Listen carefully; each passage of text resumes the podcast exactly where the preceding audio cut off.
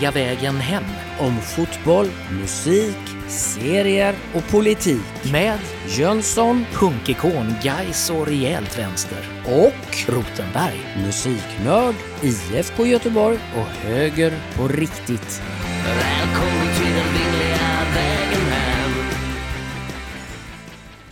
Gick det bra att komma upp idag? Nej, det gjorde det inte. Ja, det var bara två minuter sen. Ja, grejen är att det här med att träffas mitt på dagen så här när andra människor äter lunch, det är för tidigt för mig. Jaha. Ja, så är det ju när man är egen företagare och eh, styr sin egen vardag. Då blir det ju att man, man jobbar över varje kväll och så blir det ju svårt då att komma tillbaka till de här vanliga kontorstiderna. Så det är främst som egen företagare du ser dig? Ja, i, idag är det nog det. Jaha. Faktiskt, det, det får man nog säga.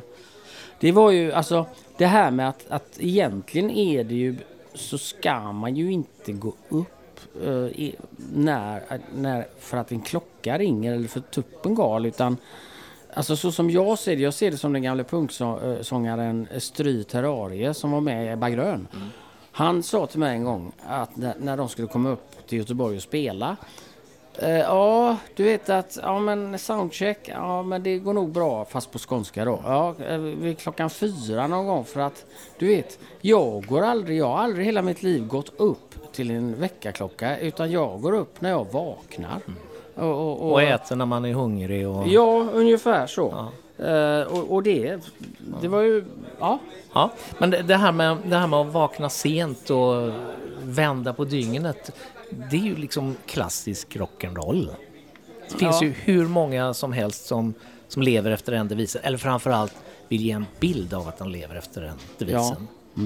Men det, du ser det som egen företagare och därför Ja, som vaknar du eh, sent på förmiddagen istället för att vara rocksångare och Nej, jag gör det inte för att senare. jag är egen företagare utan för att det blir så. Och eh, jag ser ju mig som en rockartist också faktiskt. Det blir som och det blir. poet. Ja. Mm. Okej. ja. Ja, Författare, eh, journalist. Jag tänker ju på just det här med, med rockmyten att uh, vara uppe och sudda på nätterna och strunta i soluppgång och sånt där. Mm. Eh, det, fin- det finns ju de som fortfarande lever det här livet av de gamla klassikerna. Richie Blackmore från Ja. Deep Purple. Mm. Han går ju aldrig upp före klockan 12 på dagen. Nej. Uh, äter frukost någon gång vid två, tre snåret. Och eh, ja, lever hela natten igenom. Han fyller 79 år snart. Mm. Ja, det är ju ganska fantastiskt att man, ens, ens gamla idoler håller på nu att passera 80-strecket. Ja, men jag tänker att det kan ju också vara att på natten får man ju vara i fred. Ja. Det är ju ingen som ringer eller, eller stöter på en och säger men du, ja, gör det då. Utan att då får man ju vara i fred. Så att det, det, det är också så att det är då inspirationen kommer va? När man får vara ensam. En annan gammal klassisk rockhjälte, det var ju från eh, basisten i Yes, Chris Squire. Mm. Han kallade sig för Fish. eh, för han, eh, han låg alltid i badkaret flera timmar på eftermiddagen. Och det var ju på den tiden när banden liksom, de, de hyrde en lägenhet och alla bodde där. Så att det fanns ju ingen som kom in i badrummet på tre timmar när Chris Squire skulle på eftermiddagen då ta sitt morgondopp. Och sen kom han ju aldrig tidigare än två timmar för sent till något rep. Nej. Eh, Men det, det lever rockmyten. Ja. Jan Guillou däremot, han är ju tvärtom. Han går ju upp och skriver klockan sex på morgonen och slutar klockan tio. Han är väl å andra sidan så långt ifrån rockhjälte man kan komma. Nej, det tror jag inte. Jag, jag menar, någonstans har ju han ändå eh, levt ett rock'n'roll-liv. På ett, alltså vad, hur man nu definierar rockliv, jag vet inte. Det är inte speciellt rebelliskt. Nej. Rock'n'rollen har ju funnits i 70 år typ. Viktigt att odla myten i alla fall. Ja. Nu ska vi gå på någonting som vi kallar uppsnappat.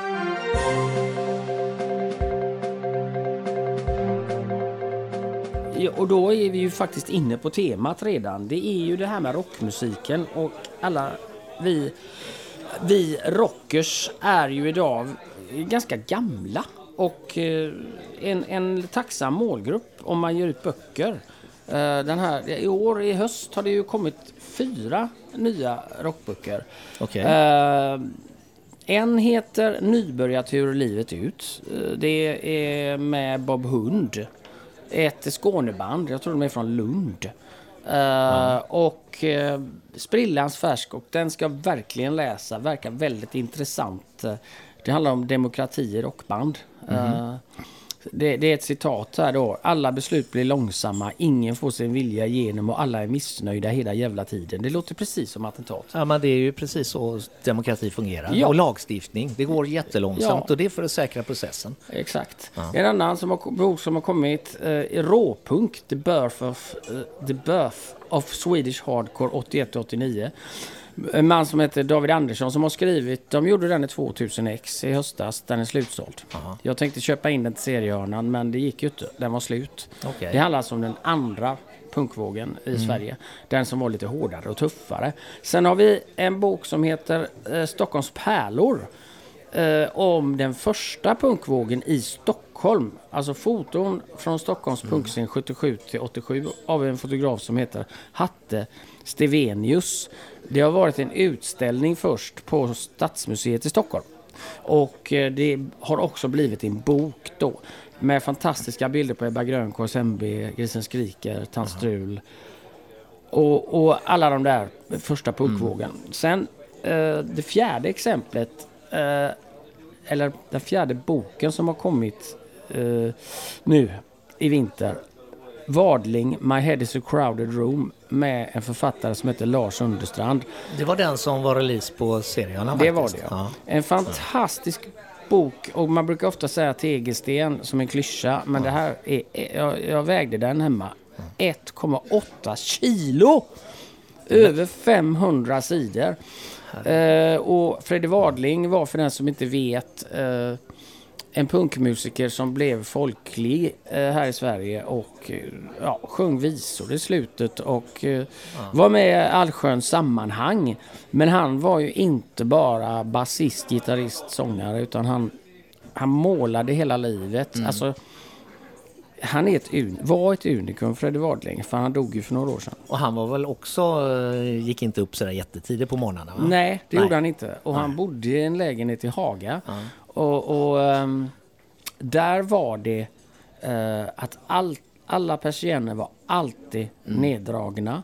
Och eh, där satt han och tittade på skräckfilm hela tiden. Men jag ska bara komma kort till den här boken.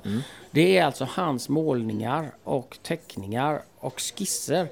Och det är över 500 stycken. Eh, vansinnigt det ger en inspiration. Och så Lars Sunderstrand är en av Sveriges bästa fotografer i modern tid. eh, Som har fotograferat mycket punkmusik. Eh, Men Wadling hade ju, han hade ju ett annat intresse och det var ju luftgevärsskytte. det har jag inte hört. Inomhus.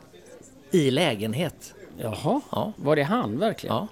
Det, Okej. jag, läste en intervju en gång med honom och det, han, ja, det var en sån där faktaruta till Aha. vid sidan som skulle stå fritidsintresse. Luftgevärsskytte inomhus i lägenhet. Det, Ja, Det är jag tror fräckt. att han bara hittar på det. Ja. Jag, skräckserier vet Ja. jag att han var... Hur som helst, mitt uppsnappat är att det vimlar av rockböcker för män och kvinnor som är 60 plus. ja. Och 2024 då får vi hoppas på att det nu kommer ytterligare den här skaran. Vil- Vilken bok vill du se helst? Nu får du inte säga den, den som är på gång. Eh, vilken bok jag vill helst se? Ja. Eh,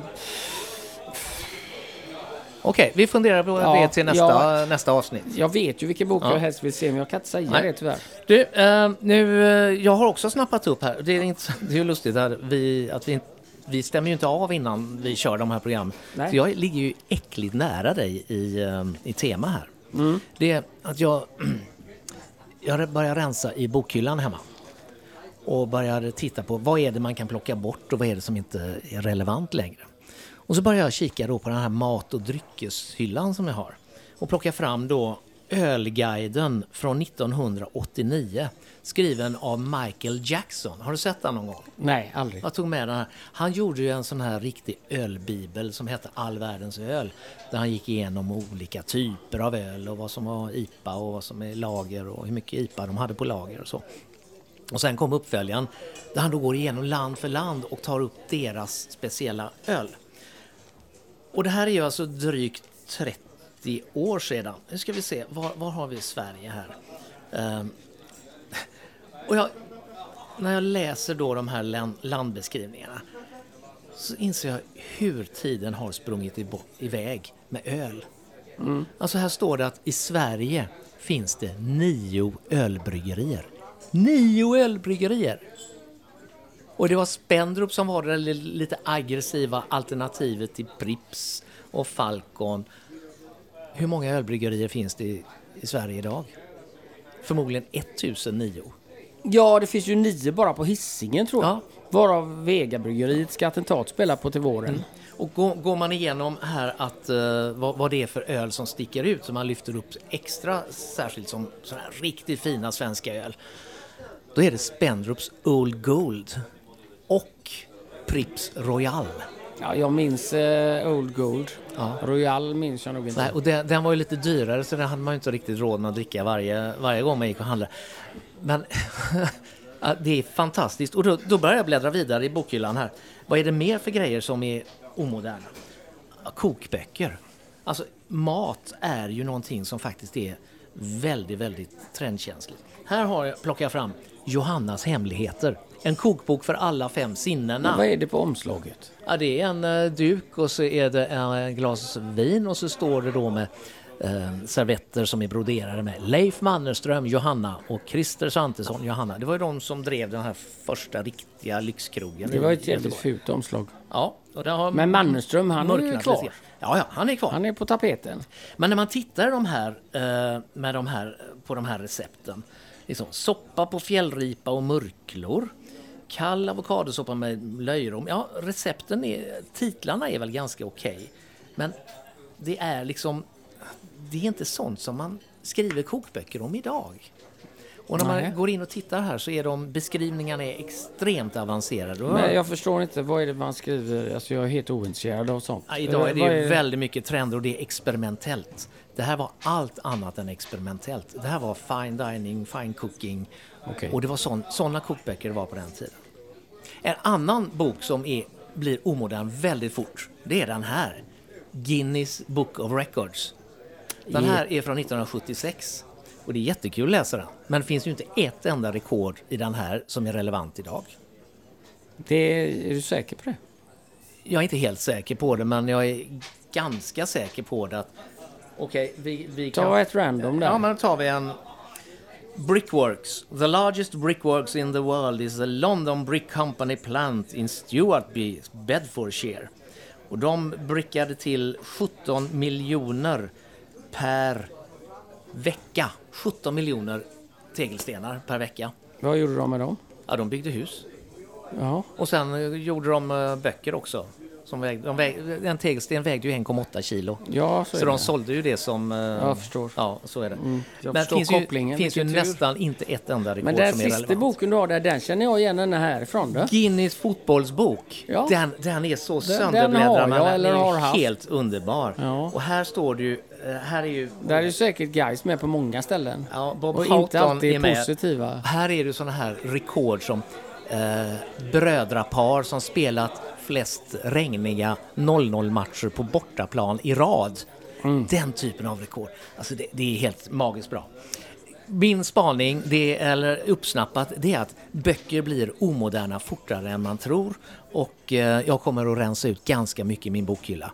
Och det behöver man göra ganska ofta. Du får gärna återkomma till det, för jag har mm. ett helvete med just det där. Mm. Att rensa ut. Mm. Hur mycket jag än rensar ut mm. så rensar jag in igen ja, på ett annat det. sätt. Ja.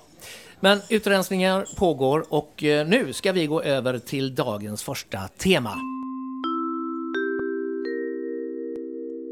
Nedmonteringen av välfärden vill jag prata om. Och det var ju otippat. Ja, jag vill då, jag ska nämna några siffror. Uh, hur nedmonteringen av välfärden i Sverige har pågått sedan 90-talet. Och jag vill landa i min personliga erfarenhet från sjukvården. Förra året, då när jag blev väldigt sjuk, alldeles innan attentat skulle åka på turné. Mm. Uh, så jag, om jag tappar bort mig Hans i alla siffror så får du hjälpa mig framåt mot uh, ja, det är lugnt. Jag har, jag har massa andra siffror så att det är ja, lugnt. Jo, jo. Ja. Jaha, du har förberett dig? Nej, jag nej, nej, jag har alltid massa siffror i ja, okay. oj, oj, oj. Uh, mellan 1995 och 2021 minskade offentliga sektorns utgifter från 63, 63 procent av BNP till 49,5 procent. Det innebär att Sverige satsar 800 miljarder mindre per år på välfärden. Sen har man också då under sen 90-talet sänkt skatteinkomsterna från 49,8 procent av BNP 1990 till 41,4 procent 2022. Det innebär att vi tar hem 500 miljarder kronor mindre eh, i skatteintäkter per år. Och det är ju på grund av att man har sänkt skatter på, på alla möjliga sätt och vis. Det, och, och i förlängningen av detta då, när du tittar på... Ska vi se vad Ja, nu har du en massa gjorde jag siffror som du av, bläddrar eh, i. Det är nästan Alltså, så jag när- skulle passa på att ställa någon fråga där, men Nej, det men går ju jag- inte när nej, du men håller så på och här, letar. Nej, alltså- Du får prata färdigt. Då landar vi i eh, på Salgrenska som nästa år ska lägga, eller 2000 personer måste sluta där och jag kollade Under upp 2024. Ja, och då, då var det 17 000 anställda totalt. Och Uh, inflationen har varit uh, det sista året, nu hittar jag inte de papperna, men det är ungefär 8 procent. Man har då fått till sjukvård och skolor och sånt 1 procent mer än förra året. Och jag ser det som en nedmontering av förskolor, skolor, sjukvård, kultur, allt. Och det som är så, det är så tragiskt för att man de här människorna slutar på de här arbetena. Man får göra dubbelt jobb. Eh, folk får vänta. Den här vårdgarantin hålls inte. Och som jag sa, där jag vill landa eh, är att när jag blir rejält sjuk och, och först vill de ju inte veta av mig när min sambo ringer in och säger att han kan inte andas längre Mats. Ehm, då till slut så tar ju hon en taxi med mig till Östra. Och de tar in mig och jag har blodförgiftning eh, och jag har lunginflammation och jag kan, jag kan fan inte andas. Jag kommer inte ihåg eh, det här själv. Eh, två månader senare vaknar jag. Uh, väger liksom 25 kilo mindre. Uh, de Alltså jag kan inte gå, jag kan inte röra mig, jag kan inte göra någonting. Eh, sen är jag kvar på Östra i nästan två månader till. Jag är alltså fyra månader i svensk sjukvård. Och min erfarenhet från, från Östra sjukhuset är ju att de tar alltså hand om mig på ett fantastiskt bra sätt. Även om det är en jävla omsättning på läkare. Så sköterskorna är ju helt grymma och peppar mig som mår dåligt. Eh, och, och jag kommer på fötter igen. Och så snart jag liksom börjar återhämta mig så skickar de mig till ett korttidsboende för då har de inte plats för mig längre. Och det är här på korttidsboendet eh, man märker det här med personalbrist. Ehm, det finns alltså varje natt är vi 16 stycken på min avdelning och det är 16 stycken på våningen under. I, eh, I patienter eller Patient, personal? Patienter. Ja. Det är en personal på natten.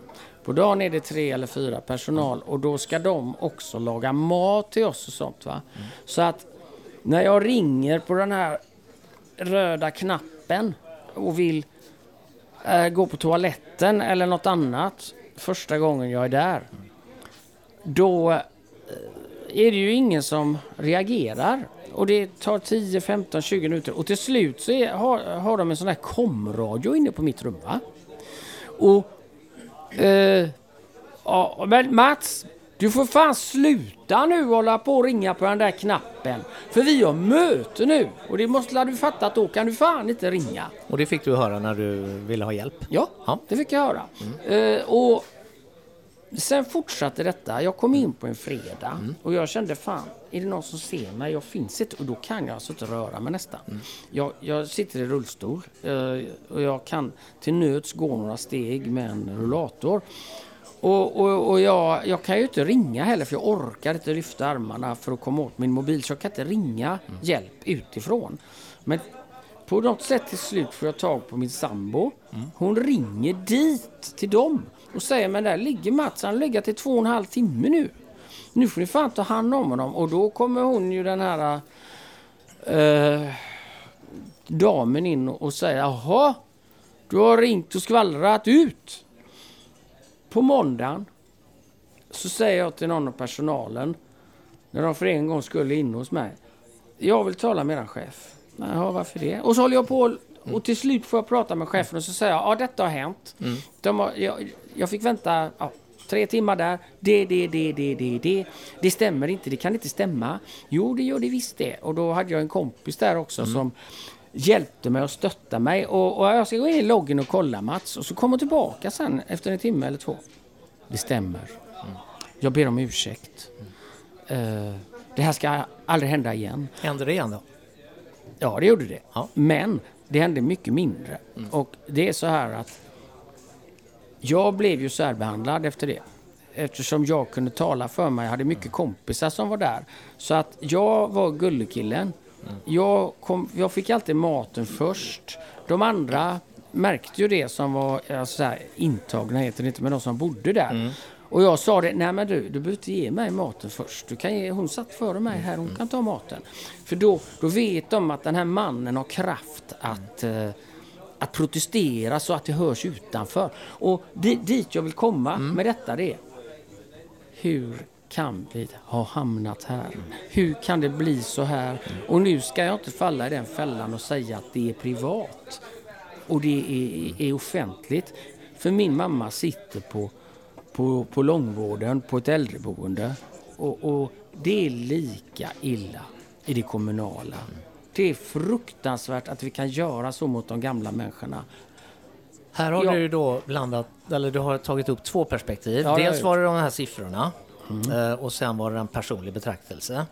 Och den personliga betraktelsen kan ju varken jag eller någon annan invända emot, utan det är ju din upplevelse. Och då är frågan, är det, en, är det typiskt för hur det fungerar eller hade du väldigt otur just där och då? Eh, ja, vad, du verkar ha din bild klar av att det är ett systemproblem det här. Det här är ett systemproblem med Ja. tanke på att Och det var inte så innan, eh, för 30 år sedan. Det kan jag ju naturligtvis inte bevisa. Nej. Men eh, min mamma, hon har suttit på Högsbo i tre, två, tre år, dement. Eh, de blir behandlade som djur. Vi har klagat, de blandar deras... De, de tvättar inte deras kläder, det är bajsfläckar överallt. Det är, det är fruktansvärt. Och, och, och jag tänker, de här stackars människorna som ändå har slitit, det är en klyscha, men de har ändå slitit ihop till våran välfärd. Är det här tacken? Ska vi inte kunna ta hand om dem? Och det är ett systemfel. Och jag är inte man att tala om för vad systemfelet är. Men på nå- någonstans är det ju så att politikerna eh, jobbar hellre med att sänka bensinpriser och eh, RUT och ROT-avdrag och sådana här grejer istället för att satsa på välfärden, satsa på bostäder, utan på något sätt, och det är inte bara den borgerliga regeringen. Då får jag göra en reflektion på det här. Ja. För det, och då, då, går jag på, då går jag på de här med siffrorna som du tog Ja, i början. ja. För det är mycket, eh, jag kan, jag kan inte eh, gå in och säga att nej, det där har du inte upplevt eller så. Nej. Jag har ingen anledning att göra det heller. Det är din upplevelse. Men nu säger du att BNP gick ner, eh, eller det var var, det var någonting som hade gått ner från 63 till 49 procent. Jo, det var offentliga sektorn. Mm. Ja. Gick ner från 63 till 49 procent och det var mellan åren eh, 95 till 21. Ja. Och det var ju på den tiden när den offentliga sektorn var större än vad den privata var. Det vill säga att man, den kostade mer än vad den privata skattepengarna in genererade. Och det var den stora omläggningen som gjordes då på 90-talet, skatteomläggningen som var en bred politisk överenskommelse. Och då kan man säga, okej, då blev det, eh, gick det ner ett antal procentenheter där. Men man måste ju också tänka på en sak och det är ju det här också hur mycket ökade BNP under den här tiden? Och när man sänkte skattetrycket från 48 procent till drygt 41 procent, fortfarande en av världens absolut högsta skattetryck i eh, icke-diktaturer, så har ju också BNP ökat. Det var fler som betalade skatt. Så att det kom, trots att man sänker skatten så kommer det in mer pengar. Och då, då har jag lite svårt att kalla det att det är en slakt av välfärden eller en nedmontering av den.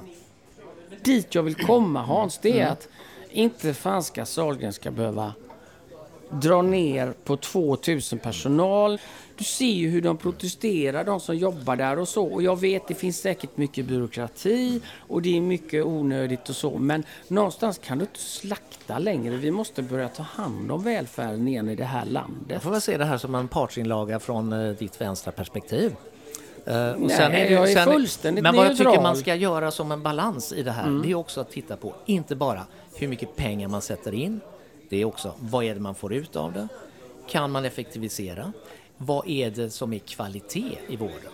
Och jag skulle nog våga säga faktiskt, utan att vara expert på området, men att vården har en bra mycket högre kvalitet idag än vad den hade för 30 år sedan. Så mycket som har förfinats både i eh, apparatur, eh, medicinteknik, men också kunskap. Det är modernare utbildade människor idag som är uppdaterade på de senaste rönen inom medicin och vård. Sen kommer det alltid att finnas enskilda exempel. Och det tror jag vi kommer att hitta även om du hade lastat in i princip varenda krona in i vården. Jag försvarar inte det här, men jag vill ge ett lite annat perspektiv. Ja, men alltså jag, jag tror att vi är överens. För att ja, ja, visst kan det alltid bli effektivare och så. Och, och, och visst är det så att det vet ju både du och jag att du kan åka in på en liksom reservdelsuppdatering på din kropp. Och det fungerar mycket bättre idag än för 30 år sedan och det kan vi applådera och det är bra. Men samtidigt så har vi hamnat där du får sitta på akuten hur länge som helst. Eh, vi kan inte ha det så längre. Det är ett systemfel och det, det började med sossarna och fortsatte med borgarna. Och det är alltid så att det finns exempel på det ena och det andra och vi kan nog få in exempel på det motsatta också. Men nu har vi gjort ett nedslag Ja. på, på detta. Du Ja. känner att du har, du har fått ur dig det här med Ja, nedmontering av orolig. välfärden. Mm. Ja.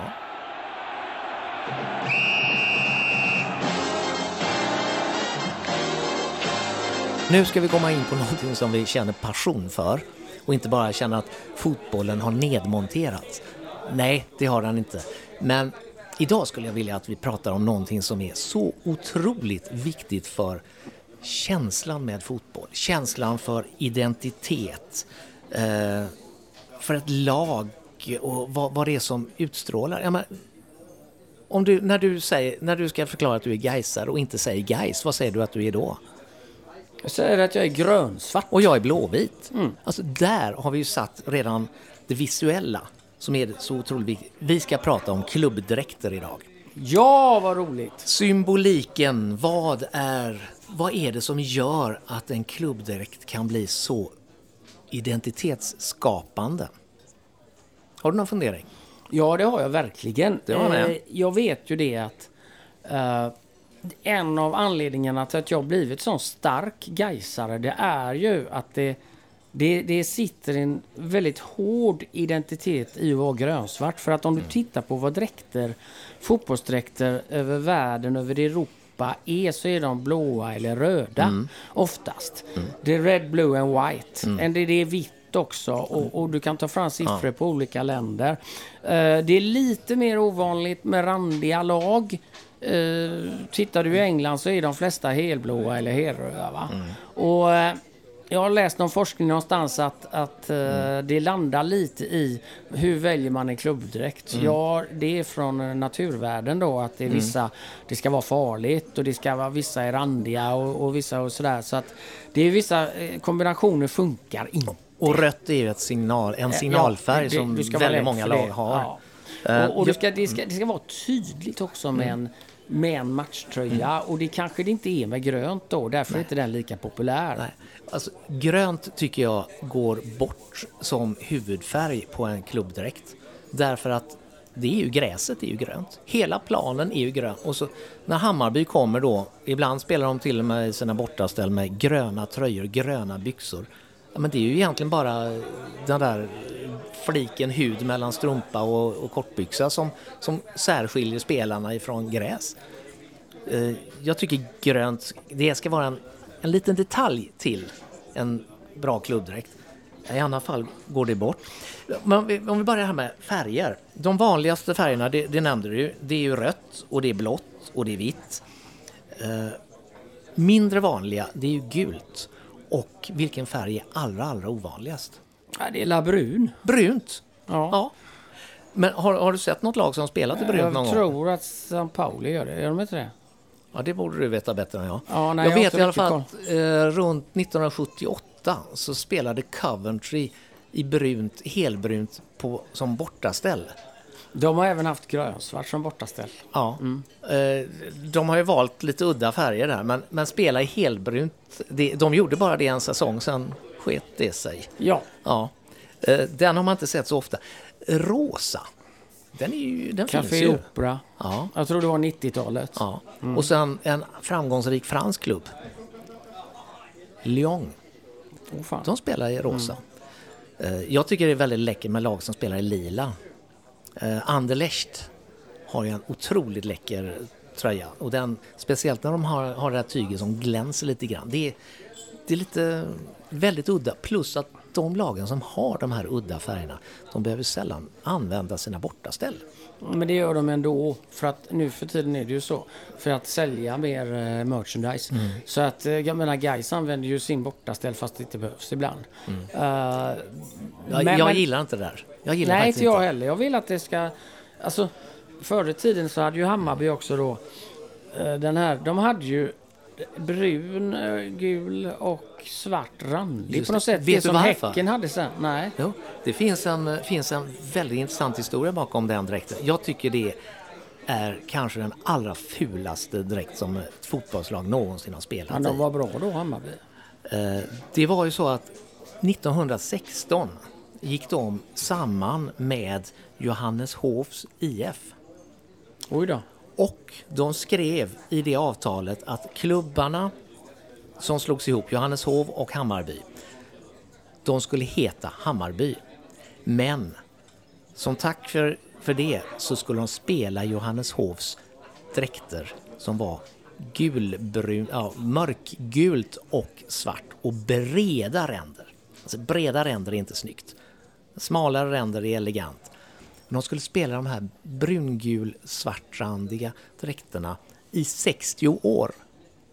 Och när inträffade det 60 året? Det måste ha varit på 70-talet? Ja, det var alltså på eh, inför säsongen 1978. Då fick Hammarby spela i sin egen dräkt igen efter 60 Den år. gröna. Ja, då var det vit tröja, Mm. gröna byxor. Och sen kom det in lite grann att de blandade in ränderna igen för, eh, för att ha det. Men då blev det grönvitt. Ja, Och det är många som inte, inte vet om alls att de hade ett, mer eller mindre ett slavkontrakt att vara klädda på samma sätt i 60 år. Det innebär att det fanns en generation som aldrig hade sett Hammarby spela i, eh, i sina originaldräkter och sen aldrig fick möjligheten att se dem. Jag, jag tänker på det här med IFK då. Mm. Vi eh, i Gais pratar ju ofta om vilken nyans av grönt det ska vara. Mm. Eh, Det finns ju den mörkgröna de hade på 60-talet och det finns en ljusgrön Mm. eh, som de hade i början på 80-talet. Eh, Finns det samma diskussion i IFK Oh ja, om, oh ja. om hur blå den ska vara? För det finns ju himmelsblått till exempel, vilket Gud förbjuder då Mm. Tack, IFK tack för aldrig den passningen. Nej, men det, var, det var på ett årsmöte för några år sedan så togs det ett beslut om hur IFK Göteborgs eh, dräkter ska vara. Och det var på ett medlemsinitiativ. Jag tror det var faktiskt Daniel Skarp, Åke Josefsson och några till som tog initiativ att vi ska inte hålla på och fippla med vår dräkt.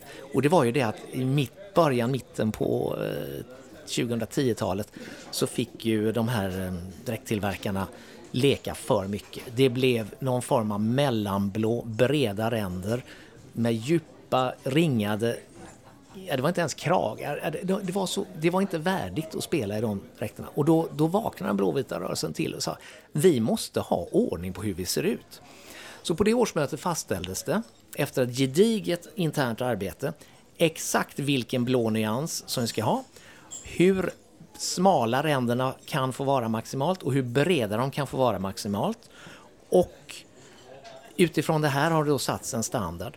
Och det har dessutom varit en komplettering efteråt att våra bortaställ ska alltid innehålla de tre grundfärgerna, blått, vitt eller gult. Så att eh, förbjuda att vi spelar i rött någon gång mer. Men där har man satt ner foten ordentligt. Och det Jag tycker finns. det är oerhört intressant Ja. att veta det här för att jag var ju med och gjorde Gais eh, hundårsbok. Mm. Och då var vi inne på de här frågorna och då tog vi ju fram hur Gais skulle se ut. Eh, Och hur man skulle skriva Gais med versaler och så vidare och Gaisare med liten bokstav. Och med J då? eh, nej, med Nähä. I. Eh, och, och eh, det, alltså förr var det nog mer slumpmässigt vad vi har förstått att, att Gais grundfärger är ju grönt och rött egentligen. Men vad våran forskning har kommit fram till varför Gais blev grönsvart det är ju för att ÖIS fanns. Och de var röda. Och eh, i Gais så, så var eh, kraftsporten den var röd. Det var Kungstorget och, och tyngdlyftarna. Och så var det de här skolungdomarna från Vasastan. Det var grönt. Det var fri idrott och gymnastik. Och de gick ihop och då blev det Gais. Eh, Men, men Gais har ju Gais har grönt, svart, vitt, gult och rött. Ja, så är det. Det vita, Ja. det vet jag inte var det kommer ifrån men det är ju, en makrill är ju vit där nere och grönsvart där uppe. Men hur som helst, då blev det antagligen så vad vi tror att eh, nej, vi kan inte vara grönröda. Det är en ganska ful kombination också så att vi blir grönsvarta. Och Gais första matchställ var ju svart fram till 1909. Då kom de grönsvartrandiga och det är oklart varför. Och sen upphörde det. För det kom ju en direkt emellan. 1948 Just helt det. plötsligt. Ja. Och jag har glömt varför. Då får vi såna här Arsenal-tröjor fast med grönt och vita ärmar. Väldigt snygg dräkt. Den var skitsnygg Ja. fram till 1963. Ja. Då åker Lindegaard tar tillbaka den grönsvartrandiga. Mm. Eh, Men om, om vi går in och pratar lite grann här. Snygg, vad, är, vad är det man inte får göra med en klubbdräkt? Vad alltså hur man designar Ja, den. det, du får, till att börja med får du inte göra som Cardiff gjorde för tio år sedan. De har alltid kallats någonting med blue och varit Ja. Mm. blåa. Då kommer det in en asiatisk ägare och säger att eh, från mitt, mitt land har en röd flagga. Mm. Cardiff ska vara röda. Då slutar ju folk gå på matcherna. Nu är den blå igen. Det där får man inte göra för då är det ju inte Cardiff längre. Det här med att ha randiga dräkter och framförallt randiga tröjor. Det, det är ju en... ehm, jag tycker det är snyggt när det görs på rätt sätt. Som och misslyckas man, då, då blir det inte bra. Ehm, men då är det långrandigt. Tvärrandigt, vad säger du om det? Ja, det är inte helt fel på Celtic. Nej, men det är väl det enda lag som det funkar på. Mm, men det är bara för att vi har vant oss vid det tror jag. Det, det är rugby. Är det. Motsvarande- Queens Park Rangers hela tvärrandiga Ja, också. de är också tvär. Ja. Ja. Däremot tycker jag inte det funkar på Västerås SK. Och det kan ju vara, även på den tiden när det inte var en massa reklamblaffor, så den funkade inte. Det är väldigt, väldigt svårt att, att göra en tvärrandig snygg. Vilken är den snyggaste dräkten i Allsvenskan? Ja, det måste ju vara guys. Ja, men vilken är den snyggaste? guys. Men utöver det. Eh, jag vet inte för guys har inte spelat i Allsvenskan på tio år så jag har inte sett så mycket allsvensk fotboll. Men, men om vi tar Passa på den här säsongen. Mm, randiga lag. Eh, det är ju snyggt som Stoke. Eh, Rövigt eller GFF. Okej. Eller eh, Landskrona. Men det är ju inte allsvenskan. Mm. Nej, nej. Jag, jag liksom... Ja, men ta Sverige då. Det, Ja, om jag måste gå utanför guys. ja. Fan, Då kan du- jag, medan du du tänker är. på det Ja, här. då får du säga Nej, men jag, jag plockar fram. Jag tycker att när randigt är som bäst, då, då, är det, då slår det ut det mesta. Jag kan inte annat än att säga att IFK Göteborg, när den var, när deras dräkt åt- 75 och 1982 och några år in på 2000-talet, när den var som elegantast, rätt bredd på ränderna, rätt nyans och med krage. Krage ska det vara på en fotbollströja. Då är den rätt fantastisk. En som också är, ja motvilligt får jag säga att Malmö FF är ganska snygg. Eh, Men den som kanske var allra läckrast, och det var under en säsong, det var när Djurgården spelade med sina blåran, mörkblå och mellanblårandiga tröjor. Den hade de på och 60-talet. vita byxor. Den är snygg. Det var, helt plötsligt lyfte sig Djurgården ur det här eh, blåblaffiga som, som det var med mörkblå byxor. Men med vita byxor, det blev riktigt elegant. Ja, på något sätt så, jag vet inte, det här beror ju på våran ålder antagligen, men jag tycker att fotbollsdräkten var bättre på 60-talet. I de IFK-tröjorna som fanns då, då var det lite bredare ränder. Och, jag, och det var det var ju ett annat typ. Och så var det den här kragen med snörningen och så var det Bebben, Fölet, Reine Fält, eh, Pisa Niklasson. Och det kan jag som Gaisare gilla. Även till och med ÖIS hade snygga tröjor, tycker jag, på den tiden. Och Djurgården och AIK. Sen måste jag också säga att snyggast är helvitt. Alltså Real Madrid, Leeds. Och jag, jag kommer ihåg när jag på en av mina första allsvenska matcher 1969 såg, det var guldmatchen. IFK vinner hemma med 6-3 mot Sirius. Då spelar de i sina bortadresser. Helvitt. Alltså helvitt är så elegant. Men det kräver också sina spelare. För spelar man i helvitt så ska man också spela som världslag. får man inte smutsa ner sig. Och det gjorde Real Madrid och det gjorde Leeds en gång i tiden. Nej, Leeds var sketna. Nu Det ska vi de. sluta prata om Måste det här. vi göra det? Leeds var underbara. Åren mellan 1968 till 1975 var det världens bästa lag. Gais hade också helvitt. Elljusdräkten, bortastället med en liten, liten remsa grönsvart. här. Men det räckte inte. Det räckte inte. Det Jo, blev det aldrig räck- bäst i världen. Det Mm. blev Leeds. Så är det. Du, Ja. nu ska vi hoppa vidare till någonting annat. Varför ska du alltid sluta när det är som roligast? Ja, det är då man ska gå hem och då går man vidare på någon annan party och eh, nu ska du bjuda på Lost in the Blost.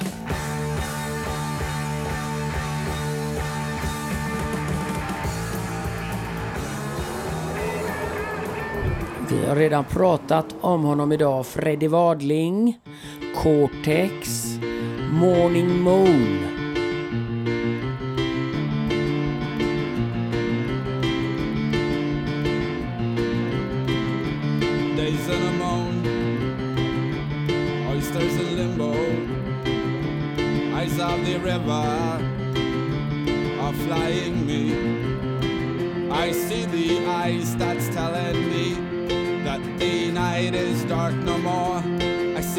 Light of a morning moon.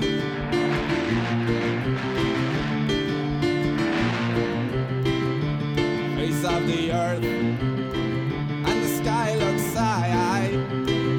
I can't see no one from a tower of Rye.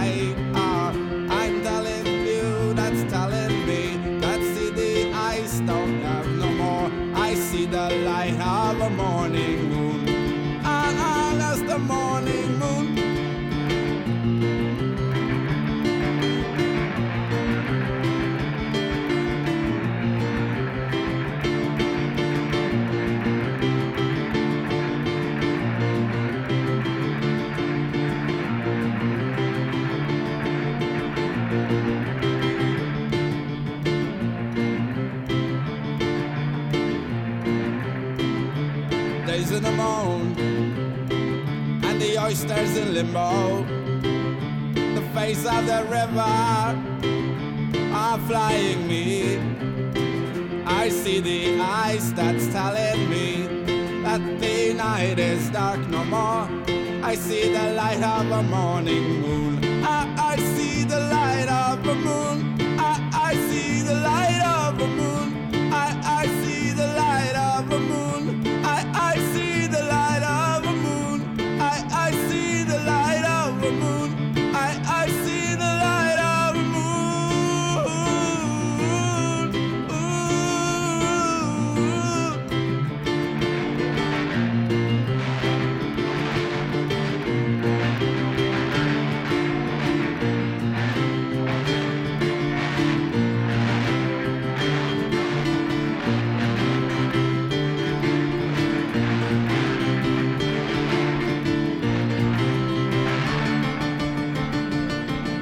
Ja, men du gillar det i alla fall, eller? Alltså det här lät eh, helt okej. Okay. Kanske inte en låt jag skulle spela jätteofta men eh, jag har ju följt Freddie Wadling genom åren och här, här hade han ju en ganska ungdomlig röst. Fräckt att bara köra i princip ett pianokomp med lite ljudeffekter och, och så på. Men det, det, var ju väldigt typiskt Freddie och Cortex. Ödesmättat. Eh, gripande tycker jag. Mm. Det går rätt in i min själ. Mm. Ja, härligt. Och den blev ingen hit så eller? Nej, nej, den fanns bara på det albumet som jag tycker är ett fantastiskt album. Som jag tycker alla ska kolla upp. Ja. Cortex första platta, 1981. Ja, strålande.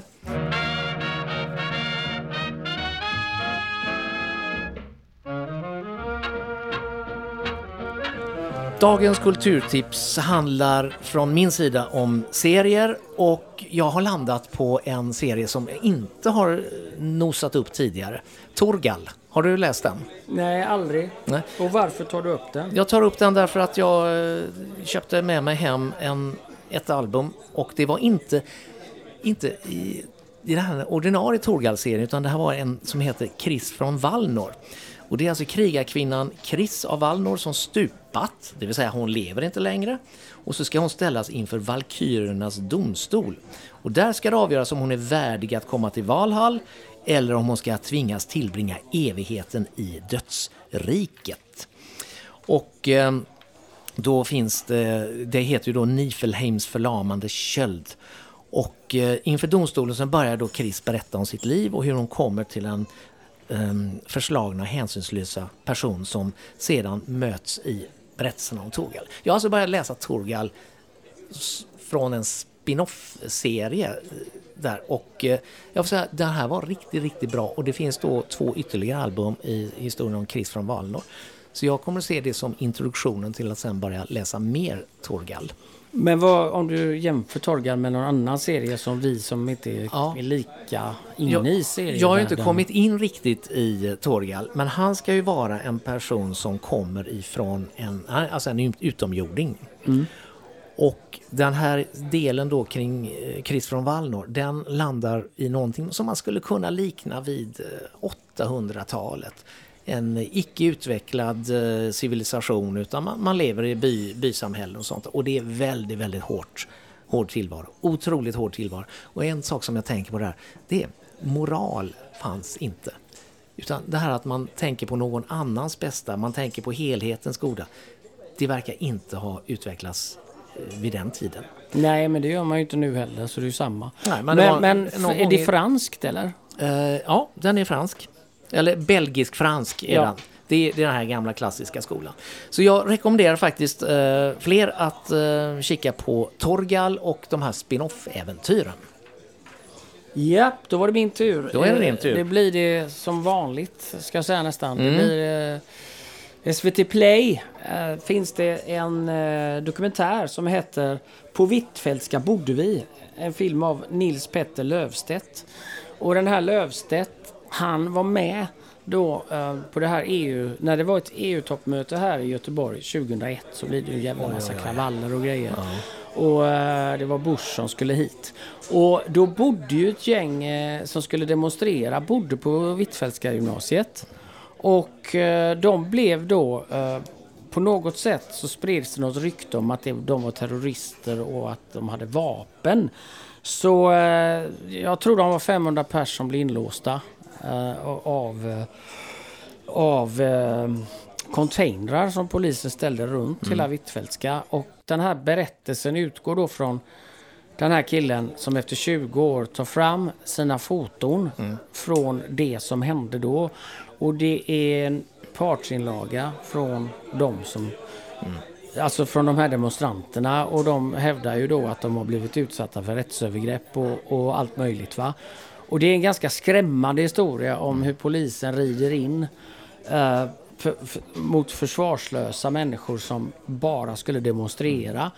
Uh, men som sagt, det är en partsinlaga, mm. men jag tycker det få vill prata om det. För Okej. han åker runt och träffar alla som har varit med. Och de, det är så jävla jobbigt så det är traumatiskt så han får locka ur dem detta. Och filmen går den vägen och så är det någon som hade någon film där. Då får man kika på den. Så kika gärna på den. För det finns ju väldigt, väldigt, väldigt mycket att säga om eh, det EU-toppmötet 2001. Det gör det. Eh, Det händer ju så otroligt mycket annat också på stan som är väl ett, fortfarande ett blödande sår i Göteborgs själ. Göteborgskravallerna kallas det ju för. Jag minns ju fortfarande vad jag gjorde då klockan 11 den, eh, den fredagen. Vad gjorde du då? Ja, då sitter jag...